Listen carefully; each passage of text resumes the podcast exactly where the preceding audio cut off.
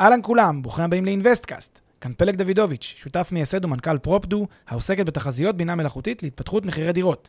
ואיתי אביב גרינברג, מנהל ההשקעות בחברת רנטפו, שהיא גם נותנת החסות לפרק.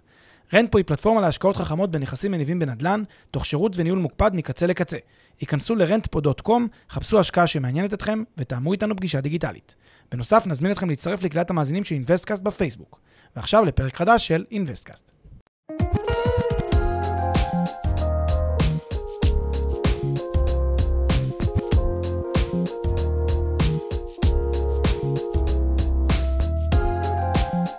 פלג, אהלן. אהלן אביב, מה קורה? אני מצוין, יום ראשון, yes. יום ראשון בשבוע, פרק חדש. פותחים את השבוע עם אינוויסטקאסט. לגמרי, לגמרי. עוד לפני שאתה פוצה פיך, אני רק מזכיר שכבר אה, לא פעם אמרו לנו שלא יודעים מי אנחנו מאחורי המיקרופון, אה, אז אה, נציג את עצמנו באיזה חצי משפט. תתחיל. אני אתחיל.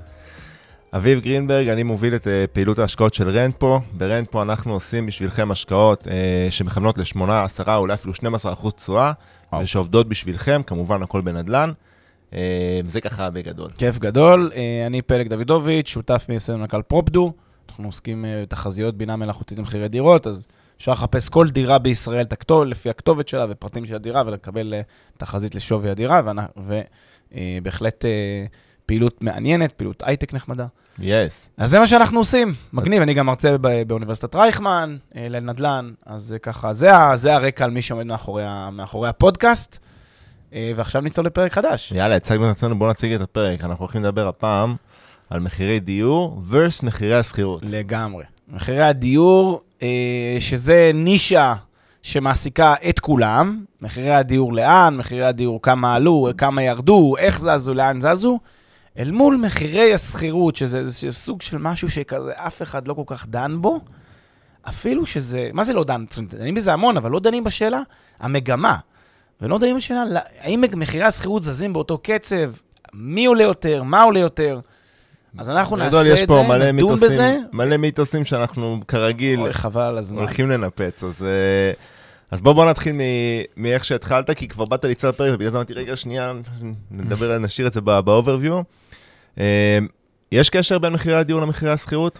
אה, קודם כל בוא, בוא נגדיר שנייה מה זה מחירי הדיור. מחירי הדיור זה המחיר של דירה, מחירי השכירות זה כמה עולה לשכור את הדירה הזאת, כן? אז אה, תיאורטית, היינו אומרים, כן, ברור שיש קשר בין מחירי הדיור למחירי השכירות, כי אם יש עליית מחירים בשוק הדיור, אז זה גם אמור להיות מתורגם למחירי השכירות. כאילו, אם אנחנו נניח שאם דירה עלתה נגיד ממיליון למיליון וחצי, אז השכר דירה עלה נגיד מ... אה, לא יודע מה, 60 אלף בשנה ל-75 אלף בשנה, ל-80-90 אלף בשנה, סתם, כן. ולמה? מהסיבה הפשוטה שאחרת לא היה שווה לאנשים לרכוש אה, דירות, היה עדיף להם לשכור דירות. הלוגיקה, זה כן, זה הלוגיקה הלוגיקה שאתה אומר. הפשוטה הכלכלית. כן, זה הלוגיקה. כי הלוגיקה אומרת, שמע, אני, אני אפילו לוקח את זה צעד אחד יותר רחב ממך. אני אומר, כמו שמחירי הדיור עולים, כאילו לפי אותו היגיון, אז כל הדברים צריכים לעלות פחות או יותר באותה רמה, כן? כמו סל המוצרים, כמו זה, הכל עולה בסך הכל באותה רמה, לכן גם נצפה בלוגיקה התיאורטית שגם מחירי השכירות יעלו באותה מידה, נכון?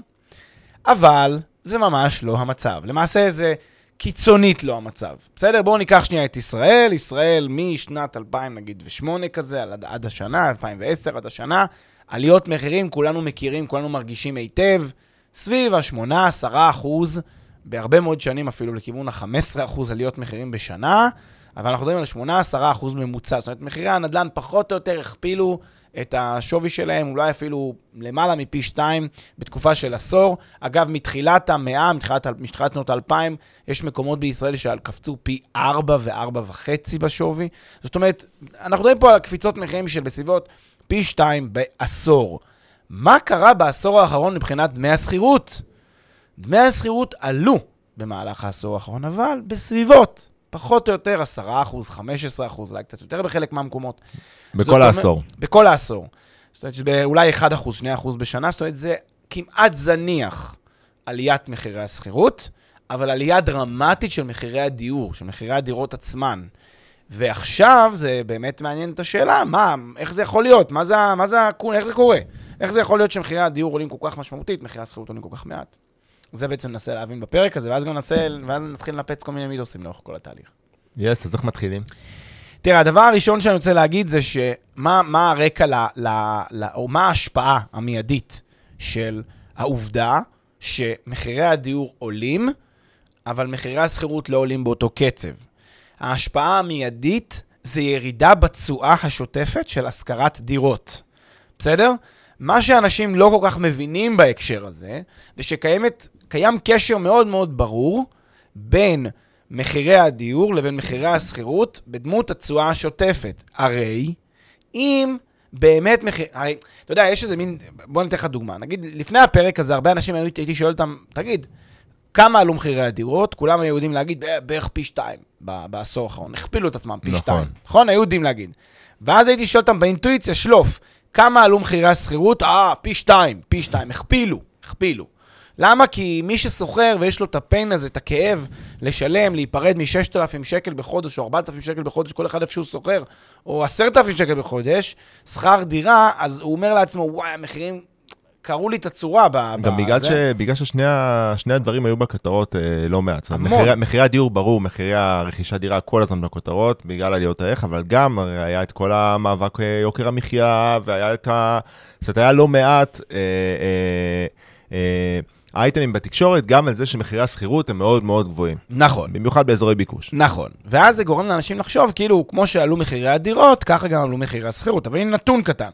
בשנת 2008-2009, בשנים האלה, תשואת השכירות הייתה בסביבות 5% בישראל, בסדר? זאת אומרת שלפי אותה לוגיקה של אנשים שאמרו, זה קפץ פי 2, זה קפץ פי 2, אם שניהם עלו באותה מידה, תשואת השכירות הייתה צריכה להישאר 5%. זה ברור לכם, כן? כי הרי התשואה נגזרת משכר הדירה חלקי שווי הדירה. אז לכן, אם שניהם עלו באותה מידה, אז התשואה הייתה צריכה להישאר 5%. אבל זה לא המצב, כמובן, כי תשואת השכירות ירדה, ואנחנו כולם מכירים היום שתשואת השכירות בישראל סביב ה-2.5% באזורי ביקוש. אגב, לנתונים שיש אפילו אצלנו בפרופדו, אנחנו רואים אפילו פחות מ-2%, כלומר באזורי ביקוש 1.75% היום זה כבר נתונים מעודכנים שפחות או יותר מרכז תל אביב. כלומר היום בעל דירה בתל אביב משכיר את הדירה שלו בשביל תשואה של 1.7, 1.8%. וזה בתל אביב שבו אומרים שמחירי השכירות הם לא הגיוניים. וזה בתל אביב שבו אומרים שמחירי השכירות הם מטורפים, ומשהו מטורף וטרפת של שכירות. 1.7, 1.8, זה הסיפור, בשביל זה משכירים היום דירות בתל אביב. וה... אגב, אנחנו גם דיברנו על זה, אומנם ממש, זאת אומרת, אני לא, בנושא אחר, אבל כשעשינו את המדריך המקיף להשקעות בנדל"ן, אז בפרק האחרון גם אמרנו שהרי את התשואה שאני מודד, אני מודד ביחס לשווי הנוכחי של הדירה שלי, ולא ביחס נכון. לשווי שרכשתי אותה. נכון. ולכן אתה אומר עכשיו שהתשואה בעצם הולכת ויורדת, כי זה לא משנה כמה קנית דירה, אלא נכון לעכשיו אני מזכיר דירה ששווה 100 ב-2,000, סתם אני נותן נכון. דוגמה, ולכן זה 2%.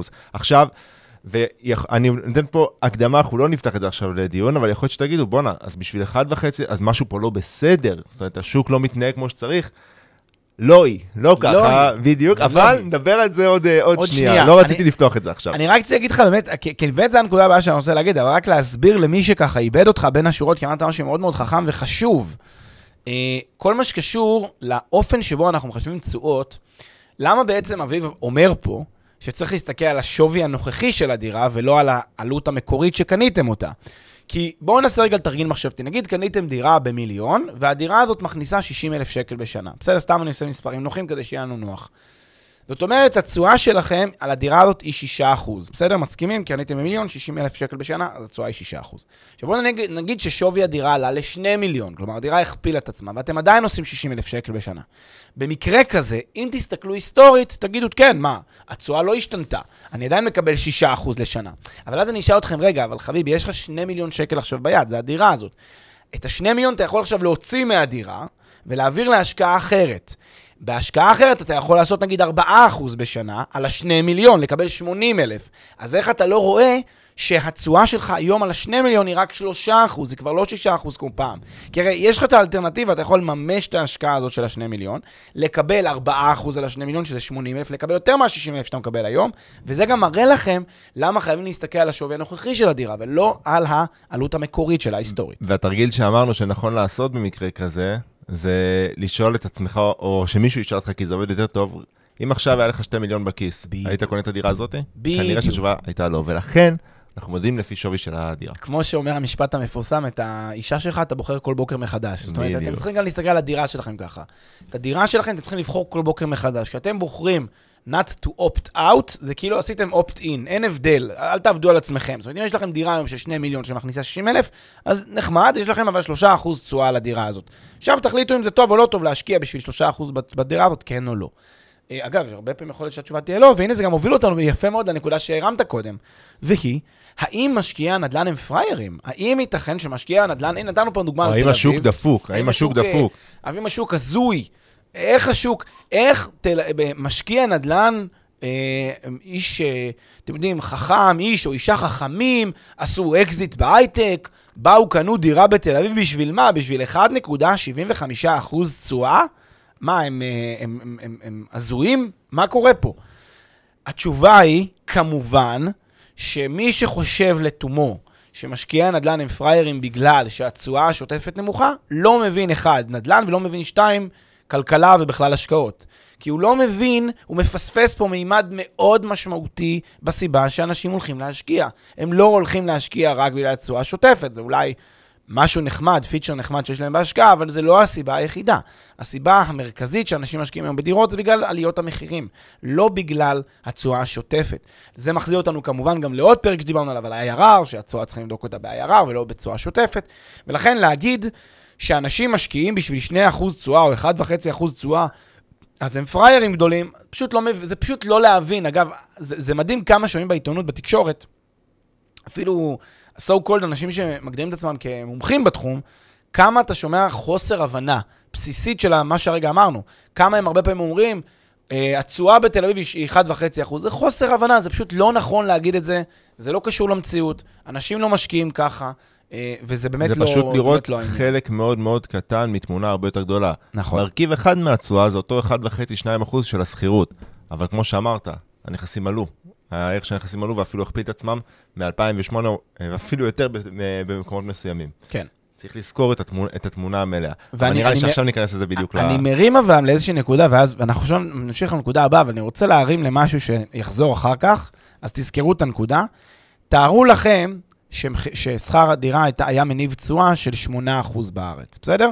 עכשיו, כאילו 8% זה היה העניין, אמ, ויש מקומות בעולם שזה המצב, שזה היה 8%. תחשבו שהיום בישראל היה אפשר לעשות 8% תשואה על שכר דירה, תשימו את זה שנייה רגע במחשבה, ואנחנו תכף נגיע לזה, ואנחנו נדבר על הנקודה הזאת, ואז תראו כמה הדבר הזה הזוי ולא הגיוני גם, ואמור להרים דגל מאוד מאוד אדום. וזה גם מתכתב עם כל מיני מקומות, נגיד בארצות הברית, שיש שם תשואות, לא יודע מה, 15% תשואה שוטפת, תכף נגיע לזה. רגע, נדבר על זה. נדבר על זה, אני- הרמתי, כי זה קשור לנקודה על תל אביב. בונה מתח. כן, זה קשור להאם המשקיע נדל"ן פראייר. אוקיי, אז בואו נחזור חזרה ל- ל- לקשר הבסיסי. האם יש קשר בין מחירי הדיור למחירי השכירות? על פניו אנשים חושבים שכן, אבל אנחנו רואים שלא. אנחנו רואים שמחירי הדיור הכפילו, מחירי השכירות 10-15 אחוז, זה אולי 20 אחוז עלייה.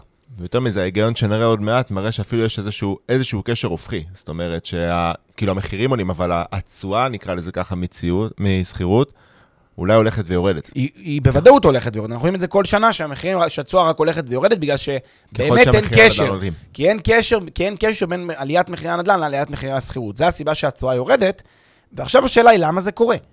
אז צריך להבין ששוק הדיור, אוקיי, שוק הבעלות על דירות, זה שוק אחד, ושוק השכירות זה שוק אחר, זה שני שווקים שונים לגמרי.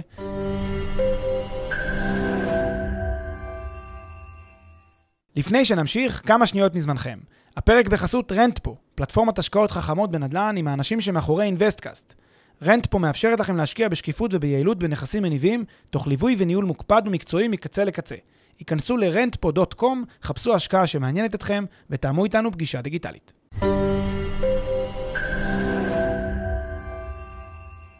השוק שהוא שוק שקונה דירות, קונה ומוכר דירות, השוק של השחקנים בשוק הדיור, זה שוק שמושפע מהיצע וביקוש בשוק הדיור. שוק השכירות זה שוק שמוצע, ש, שמושפע מהיצע וביקוש בשוק השכירות. עכשיו, מה משפיע על ההיצע והביקוש בשוק הדיור, בשוק של הרכישה לבעלות? היצע הדירות הזמינות בבנייה, כן, אלה שנכנסות לשוק. אל מול הביקושים לרכישת דירות. הביקושים לרכישת דירות זה, זה, זה גם משפרי דיור, גם uh, זוגות צעירים שקונים דירה ראשונה, גם משקיעים, גם משקיעים זרים, גם uh, גופים פיננסיים. כל השחקנים האלה משפיעים על ההיצע והביקוש בשוק הדיור. זה, אנחנו דנו בזה המון, מה משפיע על מחירי הדיור. שימו לב, זה שוק אחר לגמרי משוק השכירות. שוק השכירות, מה שמשפיע עליו זה מצד אחד ההיצע זה הדירות הזמינות, ל... שבעצם דירות ההשקעה, דירות שנמצאות על ידי משקיעים, זה היצע מאוד קטן יחסית לדירות, לכל השוק. אגב, פחות או יותר אפשר להגיד שאזור ה... כן, 15-20 אחוז מהשוק, מכל עסקה ש... שנרכשת היום, זה עסקה להשקעה, כן? כל דירה... בישראל. בישראל. וגם בזה נתון די רוחבי בעולם, נכון. בערך 15-20% מהעסקאות בשנה הן עסקאות של משקיעים. זאת אומרת, אתם, אתם מבינים את, הס, את הסקיילים, אז יחסית נתח קטן מתוך השוק הוא שוק של... אה, הוא שוק של אה, משקיעים, הוא שוק של אה, בעצם שכירות אל מול שוק הבעלות. לכן, השוק הוא שוק שונה בצד ההיצע, ובצד הביקוש, מה משפיע על שוק השכירות? אה, כוח הקנייה. מי הוא כוח הקנייה? השוכרים. כמה כסף יש לשוכרים בכיס, וכמה עולה אה, המשכורת שלהם, וכמה אה, עולה המשכורת הממוצעת במשק, וכמה היחס הנכון בין מצד אחד המשכורת שלי לבין כמה שאני מוכן לשלם על שירותי הדיור שלי, וכולי וכולי.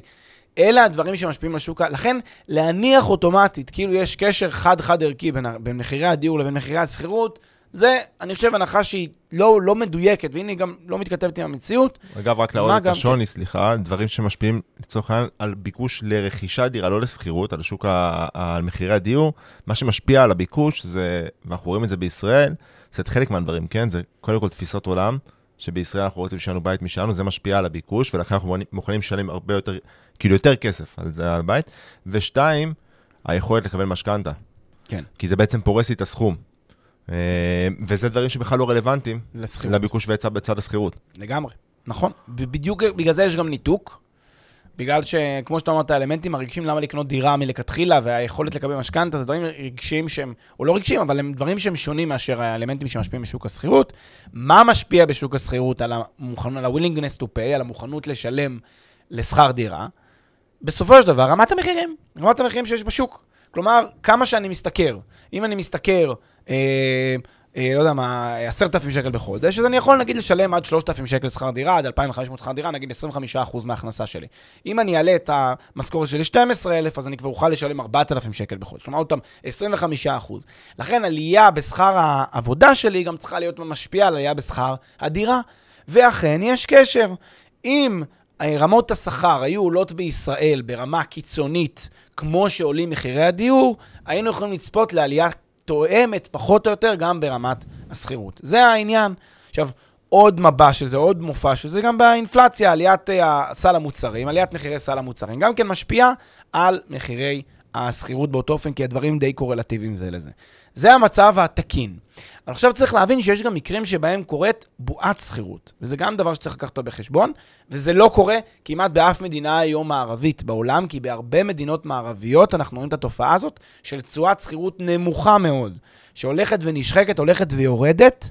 לכיוון ה-2%, כמו שאמרתי, בארץ אפילו 1.5% בחלק מהמקומות, תשואה שהולכת ונשחקת. ואנחנו טוענים וטענו, גם טענו את זה באותו מדריך מקיפה של נדל"ן שעשינו, ואנחנו טוענים שככה מתנהג שוק ככה בריא. ככה זה בריא. ככה זה שוק שהוא זה בריא, זה שוק שאתה רואה בו צמיחה. אתה רואה, זה שוק שאתה אתה, אתה רואה שיש לו איתנות פיננסית. בדיוק, זה שוק שהוא יותר בריא מאשר אלטרנטיבה. כי מהי האלטרנטיבה? דמיינו לעצמכם שרמות המחירים בישראל היו עולות, נגיד, 2-3 אחוז בשנה, בסדר? 2-3 אחוז פחות או יותר, שזה רמת השכר ורמת האינפלציה וכולי, אבל השכירות הייתה עולה 10 אחוז בשנה, כמו שעולים מחירי הדירות בשנה. שזה אומר שמחירי השכירות היו מכפילים את עצמם מדי שנה, במקום עושים פחות או יותר עלייה, עלייה של 15-20 אחוז בעשור. אה, מה היה קורה במצב כזה, אם מחירי השכירות היו מכפילים ובעוד כל הרמה, רמת המחיה הייתה עולה רק אה, ב-2-3 אחוז? המשמעות היא שלאט לאט מה שהיה קורה, אחוז הולך וגדל מהשכר של אנשים היה מיוחס לדמי השכירות. תחשבו, כי הרי אני משתכר, כל השנה השכר שלי עולה ב-2%, אבל דמי השכירות עולים ב-10%. אז כל שנה נתח יותר גדול מאשר מהשכר שלי הולך על דמי השכירות. לכן לאט לאט אני מגיע למצב שאני יותר ויותר משלם כסף מתוך ההון שלי לדמי השכירות. וזה גורם למצב שיש פה סוג של, אם תרצו, בועת שכירות. כאילו אנשים במצוקה. הם מוכנים לשלם המון על שכר דירה, וזה מצב לא בריא לשוק, כי באיזשהו שלב יש התפכחות. באיזשהו שלב השוק מתפכח. אבל מה הבעיה בהתפכחות זה הזאת? יכול להביא גם למשבר. בדיוק. זה מביא למשבר, כי ההתפכחות הזאת, המשמעות שלה, שאנשים לא מוכנים יותר לשלם את השכר דירה, אבל אנשים כבר לקחו משכנתה בהסתמך על שכר הדירה הגבוה. כלומר, אנשים לקחו משכנתה שנתנה להם, נגיד, ת, ת, ת, לא יודע מה, הנחה של 6,000 שקל שכר דירה, על מחר השוכר, הוא לא מצליחים ליצור שוכר ב-5,500, כי השוכר אומר, אני לא משלם יותר 35-40 אחוז מה, מהמשכורת שלי על, אה, על שכר דירה, אני מוכן לשלם רק 25 אחוז על שכר דירה. ואז גם איפה- אין איפה לגור, וגם הבעלים של הדירה... אה, לא יכול בורח ל-. ל- לאזורים פריפריאליים, איפה שהוא יכול לשלם רק 20% משכר הדירה, ש- משכר העבודה שלו, אבל בעל הדירה נשאר בלי שוכר ובלי בלי מי שישלם לו את המשכנתה, וזה באמת בועה שמתפוצצת אה, לרסיסים, וזו סיטואציה באמת משברית כבר של אה, שוק הדיור. אני רוצה להקשות עליך, אני יכול? בטח. זה התפקיד. הרי, הרי אמרנו שמחירי הדיור עלו אפילו פי ארבעה מתחילת שנות האלפיים. אה, ואנחנו יודעים הרי, כמו שאמרת, שמשהו כמו 75-80 אחוז מהדירות בישראל הן דירות בב- בב- בבעלות. שאגב, זה נתון גם שרואים אותו רוחבי ב- ברוב השווקים ה- במדינות המפותחות. נכון. אז זה היה אמור גם להביא לצורך העניין לאותה עלייה בתשלומי המשכנתה, במיוחד פה אנחנו יודעים שרוב הדירות הן אה, אה, ממונפות, זה קנייה באמצעות משכנתה. היינו אמורים לראות בדיוק את אותה קפיצה שאנשים שלא יכולים לשלם הרי משכנתה, לא? כי זה עלה פי ארבעה, זאת אומרת שגם התשלום החודשי כנראה עלה פי ארבעה. כן. למרות שהמשכורת, השכר של אותם בעלי דירות שמשלמים משכנתה לא עלתה פי ארבעה, כמו שאנחנו יודעים, הרי בגלל זה גם שוק השכירות לא עלה. אז מה נכון, ההבדל? אני אסביר. ההבדל הוא, תזכור שהשלם, שממנו שאתה מבצע את החישוב גם של המשכנתה וגם של השכירות, הוא אותו שלם. מה זה אומר? אתה מסתכל בסוף על, אתה עושה השוואה בין תשואת השכירות מתוך שלם מסוים, מתוך מחיר הדירה, אל מול המשכנתה מתוך מחיר הדירה. עכשיו, אם המש... הריבית על המשכנתה קטנה מתשואת השכירות, שזה בהרבה פעמים המצב, אז נכון. אתה אמור להיות עם פער חיובי. כלומר, עם איזשהו ארביטראז' חיובי. זה המצב אגב, אחרת כי לא היה זה שווה להשקיע. בדיוק. זה העניין, זה אתה לוקח מאותו שלם. כלומר, אם התשואה שלך על ההשכרה עולה על ריבית המשכנתה, אז זה לא כל כך משנה שהשלם גדל, זה לא משנה שהשלם גדל, כי במהות אתה משלם, על, מתוך אותו שלם, אתה משלם את ה... את ה, את ה, אתה מצליח לייצר ארביטראז' חיובי. מבין את הנקודה? אני מבין את הנקודה, אבל נראה לי זה יותר, זה יותר רלוונטי לאנשים שקונים לה, להשקעות, זאת אומרת, בסוף אנשים שקונים דירה בבעלותם, אני אומר... וגרים בה? התש- וגרים בה. התשלום החודשי של המשכנתה, הוא גם קפץ פי... התשלום החודשי של המשכנתה קפץ משמעותית, נכון, אבל הם לא, הם לא משלמים שכר דירה, אז לא עושים את ההשוואה בין שכירות אל מול המשכנתה. אז הם משלמים משכנתה, כמה שעולה המשכנתה, ואז הם משווים את המשכנתה ליתר ההכנסות שלהם, והם באמת, המשכנתה התייקרה מאוד בשנים האחרונות, בגלל ששכר, בגלל שהדירות עצמן התייקרו.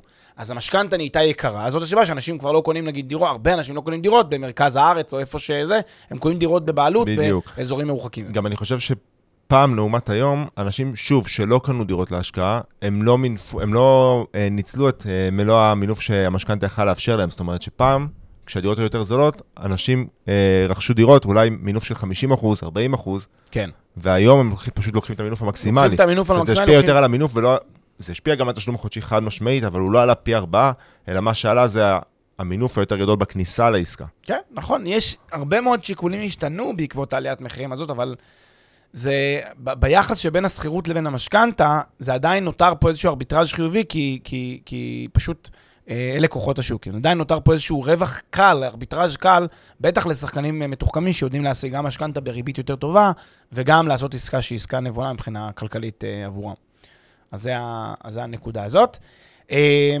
אני רוצה להגיד עכשיו נקודה שהתחלנו, שהרמתי קודם וזה, וזו נקודה מאוד מאוד יפה ככה לחדד איזושהי, איזשהו עניין.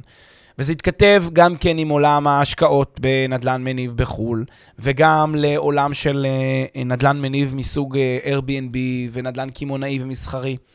וזה דבר שחשוב מאוד שאנשים ישימו לב אליו.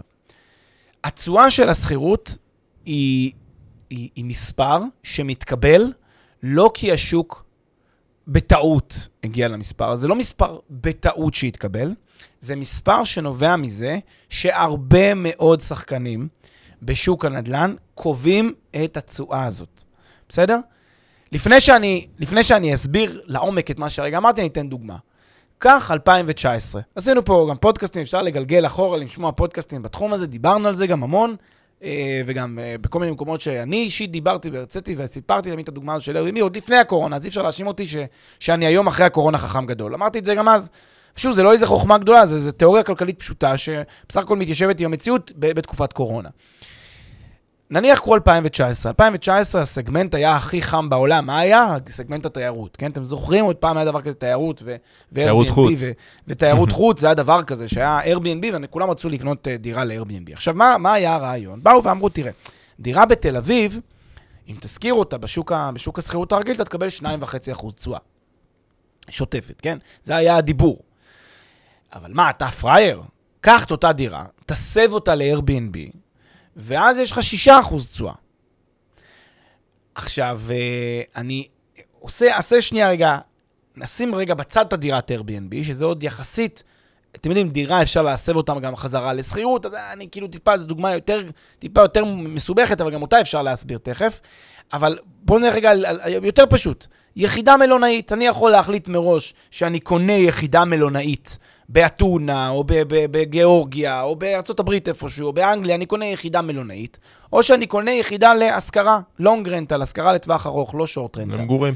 למגורים. עכשיו, זה להחליט מראש, כי אתה לא יכול, נגיד, אתה לא יכול להסב, אתה לא יכול לעשות reverse engineering, אתה לא יכול בדיעבד לתקן את ההחלטה שלך ולחזור חזרה לשכירות. זה או שאתה או הולך שאתה יכול, למסלול אבל של זה כרוך בעלויות אה, מאוד גבוהות. יפה, אז או שאתה הולך לשורט רנטל למלונאי, או שאתה הולך לארוך טווח לשכירות רגילה. ואז אנשים באו ואמרו, "אני- מה, אני פראייר?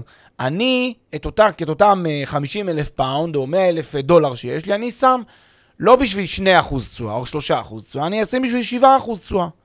ואז אני אמרתי לאותם אנשים שגם דיברו איתי וגם בכל מיני מקומות שהרציתי, אמרתי, זה לא בטעות שהתשואה על השכרת הדירות מלונאיות היא 6% ו-7%, והתשואה בלונג רנטל היא 3%. זה לא בטעות, זה לא שאתם גיליתם פה איזשהו מטמון שאף אחד לא ידע עליו. זאת אומרת, זה, אתם עשיתם חשבון, אמרתם, מה, זה 7%?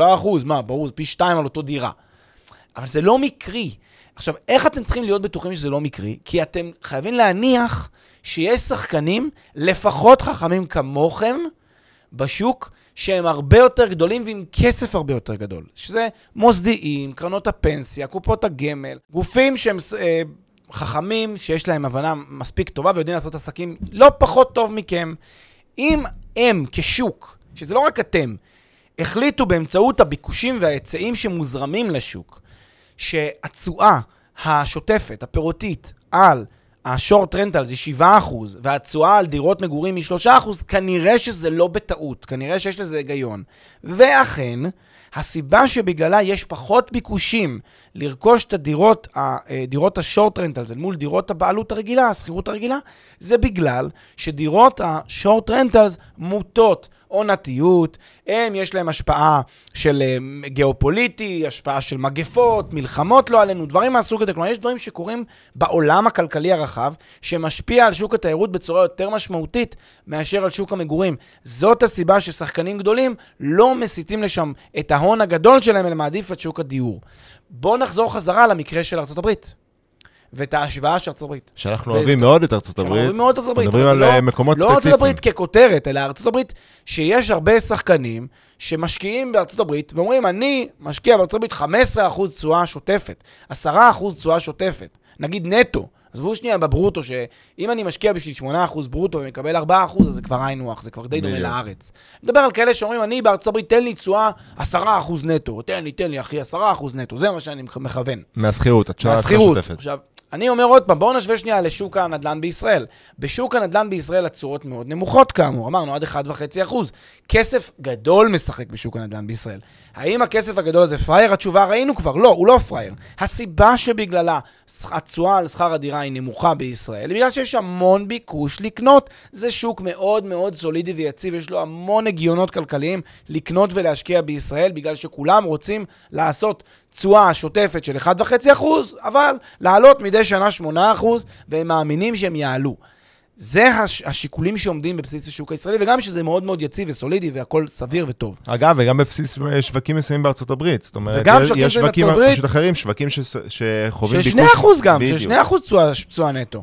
אני מדבר על אותם שווקים שאנשים, בדרך כלל ישראלים, נוטים לחפש דווקא בהם השקעה, בגלל ה-10% נטו הזה, הכותרת המפוצצת. ומה שאני מנסה להגיד זה, אם זה היה כל כך טוב, ואתם מצאתם פה את המטמון ואת הזהב, שכל העולם רק מחפש אותו, אז, אז, אז היה פה משהו, עוד ניחא איזשהו אה, היגיון. אבל אתם צריכים להניח שוב, שאנשים חכמים לא טוב, לא פחות מכם, שאנשים מתוחכמים לא פחות מכם, במיוחד הכסף המוסדי והגדול, ואם הוא בוחר לא להשקיע באותם מקומות בשביל 10% נטו, כנראה שזה בגלל שהסיכונים שכרוכים ב-10% נטו האלה הם סיכונים בלתי מבוטלים, סיכונים עצומים, שהמשמעות שלהם היא שלא תקבלו כנראה את ה-10% נטו האלה, אלא תגמרו עם בעיות מאוד מאוד קשות בתשואה שלכם או בהשכרה שלכם.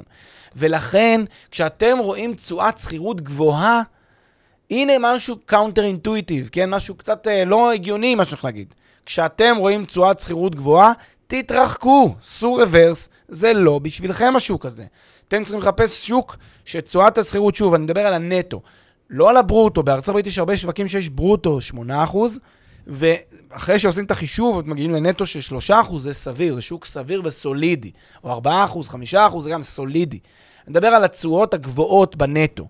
איפה שאתם רואים תשואה גבוהה בנטו, תשואה שוטפת, רבותיי, תתרחקו, זו עסקה שעשויה להיות מסוכנת, היא לא מתאימה לכל משקיע. שימו לב את ההקבלה בישראל, התשואה מאוד מאוד מאוד נמוכה על השכירות, אבל זה שוק מאוד אטרקטיבי להשקעה, ולא במפתיע. יש קשר הפוך בין מידת, הש... במידת התשואה על השכירות לבין רמות הסיכון של ההשקעה, ב- כמו בדיוק. בדיוק עם הדוגמה של השורט רנטלס והלונג רנטלס. בדיוק, וכי דיברנו על זה הרבה, כי בסוף, שוק שאתה רואה, זה ש- שוק מפותח, שאתה רואה שהכלכלה שלו הולכת לכיוון טוב, זה, זה היגיון שהוא מאוד פשוט. עכשיו, אני, אני, אני מפשט את זה מאוד, בסדר? אבל ב, למעשה זה שוק שבו אתה רואה עלייה ביכולת של, ה, של התושבים לצרוך יותר, הם מרוויחים יותר כסף, אתה רואה עליית שכר, הולך, מגמה שהולכת לאורך שנים של עליית שכר טובה.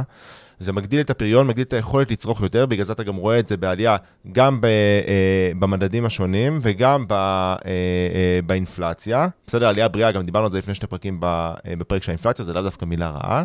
וזה מביא ליותר, ליכולת של יותר ויותר אנשים לשפר, לרכוש דיור בבעלותם, ולשפר לדיור יותר טוב, וזה מעלה את הביקוש של הדיור, ובגלל זה המחירים של הדיור הולכים ועולים. ובתגובה, בגלל שהמחירים, השווי של הנכסים הולך ועולה מהביקוש הבריא הזה שהולך ועולה, אז התשואה מהשכירות הולכת ויורדת, כי אמרנו שאנחנו כל הזמן מודדים את התשואה מהשכירות ביחס לשווי של, הנוכחי של הנכס. בדיוק. לכן זה מראה על דברים טובים, וכשהתשואה היא לאורך שנים גבוהה מהשכירות, התשואה השוטפת, זה אומר שמשהו פה, א', זה אומר נכון שמת, שהשוק מתמחר את זה כמשהו, כהשקעה שהיא יותר מסוכנת, וב', זה יכול גם להראות שלמעשה אין איזושהי, אולי אין איזו עלייה, אה, אה, אין איזה, איזושהי מגמה, סליחה, של עליית מחירים לאורך שנים שכבר רואים אותה, כי זה כנראה גם היה יכול להשפיע על זה. נכון, כי אף אחד לא רוצה לקנות את הדירות האלה. זה דירות שאנשים לא רוצים לקנות אותן, זה בתים שאנשים לא רוצים לקנות אותם. הם אה, הם עומדים ריקים, אז אתם באים וקונים, מגיעים עם כסף ישראלי, לא חכם, קונים שם נכסים בשביל תשואות גבוהות, באמת, ארבע מכל חמש תקבלו את הכסף ותקבלו סוחר שהוא גם משלם, אבל במקרה החמישי, והמשקיע החמישי ייפול על ההשקעה שלו על אה, סרבן שמסרב לשלם, וכמובן אחר כך זה יהיה אה, צעקה גדולה וקש, וקושי גדול להתמודד עם זה. אז לכן מראש, הנה כלל בסיס, כשאתם רואים תשואה שוטפת, תשואת שכירות גבוהה, אני מדבר על גבוהה, זה אומר בנטו, מעל 6%, היום ב-2020 הוא מעל 7% בנטו. היום ב-2021 לראות דבר כזה, זה אומר לברוח, זה לא בשבילכם, בשביל המשקיע, כן, הסולידי, הפסיבי שעוקב אחרינו. בשביל. יזמים זה משהו אחר, מי שרוצה שיקח את הסיכון. ושוב, הדוגמה בארצות הברית הייתה רק לשווקים מסוימים, יש לנו שווקים שאנחנו ברור, מאוד אוהבים בארצות הברית, עם. אה, תשואה שאנחנו רואים שהיא מאוד מאוד בריאה. משפט אחרון להגיד משהו לגבי השכירות, היחס בין שכירות לבין החזר המשכנתה, ואז אנחנו ניפרד מה- מהמאזינים שלנו. יש איזשהו אה, מיתוס שאנשים עושים בכל מה שקשור למחירי השכירות, זה גם מתכתב מה שאמרנו קודם, כאילו כל מה שאני צריך לעשות כדי לקנות בית בבעלותי כמשקיע, זה שהשכירות תהיה מעל המשכנתה. כלומר, אם השכירות היא מעל המשכנתה, זו עסקה טובה. אם השכירות מתחת למשכנתה, זו עסקה רעה. אז אמרנו את זה פעם, ואנחנו נגיד את זה גם עכשיו. אין שום קשר, שום קשר בשאלה אם, אם השקעה היא השקעה טובה, ביחס שבין השכירות להחזר המשכנתה. אין שום קשר. אתם יכולים להחזיר, סתם דוגמה, אתם יכולים לשלם משכנתה 5,000 שקל בחודש, לקבל שכירות של 3,000 שקל בחודש, כלומר אתם בגירעון של 2,000 שקל בחודש, ואתם בעסקה מדהימה, מדהימה, כלכלית. ויכול להיות גם הפוך. אתם מקבלים שכר דירה 5,000, אתם משלמים משכנתה 3,000, ואתם בעסקה גרועה כלכלית. איך? תחזרו חזרה ליסודות, IRR. עליית הערך והמשחק שהיא עושה בתשואה. זה הכל. זאת אומרת, כשאני שומע כל מיני אנשים אומרים, אה, ברור שאני אקנה דירה כזאת, כי השכר דירה משלם את המשכנתה. בסדר, אז זה כמו שתגיד, במילים אחרות, ברור שאני קונה את המניה הזאת, כי אני לא משלם מדי שנה כלום, שילמתי פעם אחת 100 אלף שקל, בסוף כשאני מוכר את המניה אני אקבל 80 אלף שקל, ברור שאני קונה את המניה הזאת. כי אני לא, לא, לא, אני אתן לך אפילו יותר פשוט. קניתם ב-100 אלף, ב-100 אלף שקל מניה, היא שילמה לכם דיבידנד 1,000 שקל שנה אחת. תספרו לכל העולם, בואנה, המניה, עשיתי עליה 1,000 שקל השנה דיבידנד, ואתם מוכרים אותה בסוף ב-80 אלף. כן, הפסדתם עליה 20 אלף, אבל העיקר קיבלתם את, ה, את הפער החיובי הזה של האלף שקל בשנה מהדיבידנד. הרי זה ברור לכם שמקרה כזה תגידו, שנייה, מה, משהו פה, מה, אני פראייר? אבל זה אותו היגיון בדיוק עם המשכנתה ושכר הדירה, אתם, זה אותו דבר. אם את, זה, זה שהמשכנתה מכסה לכם את שכר, שהשכר הדירה מכסה את המשכנתה, זה נחמד. זה אולי עוזר לכם בתזרים, אבל זה לא קשור האם ההשקעה היא טובה או לא טובה. תבדקו את ההשקעה עניינית. מודל עסקי, קחו את המספרים, קחו את התשואות, קחו את עליית הערך, תבדקו האם זו עסקה טובה, או שכדאי לשים את הכסף באפיק אחר. זה זה הלקח. בדיוק. ודיברנו על זה, דיברנו על זה בפרק של התשואה זה המלך, שמדבר על תשואת ה-IRR, וגם במדריך המקיף להשקעות נדל"ן. בסוף זה לא משנה, זה, זה משנה, אבל, אבל זה לא מה שמשנה בשורה התחתונה, מה היחס של ההחזר משכנתה מול השכירות, אלא אתם שמים את הכל על המודל, את כל ההכנסות ומול כל ההוצאות שלכם בכל שנה, ורואים מה תשואת ה-IRR שיוצאת לכם. אחרי, עלי, אחרי המכירה בעליית הערך שאתם מעריכים שתקרה. ויכול להיות, כמו שאתה אומר, שזה יהיה עסקה מעולה, למרות שאני מוסיף אה, 2,000 שקל מהכיס בכל חודש. אה, איכשהו שאנחנו, איכשהו בשוק ההון, כשמדברים על מניות, לכולם ברור מה נכון לעשות, אבל בנדל"ן קצת הולכים לאיבוד, ולכן הדוגמה הזאת היא דוגמה מעולה. לגמרי. תודה רבה רבה, פלג. אז עכשיו תודה רבה למאזינים Yes. שלנו, וזהו, שיהיה המשך שבוע טוב. המשך שבוע נפלא, נתראה בפרק הבא. ביי.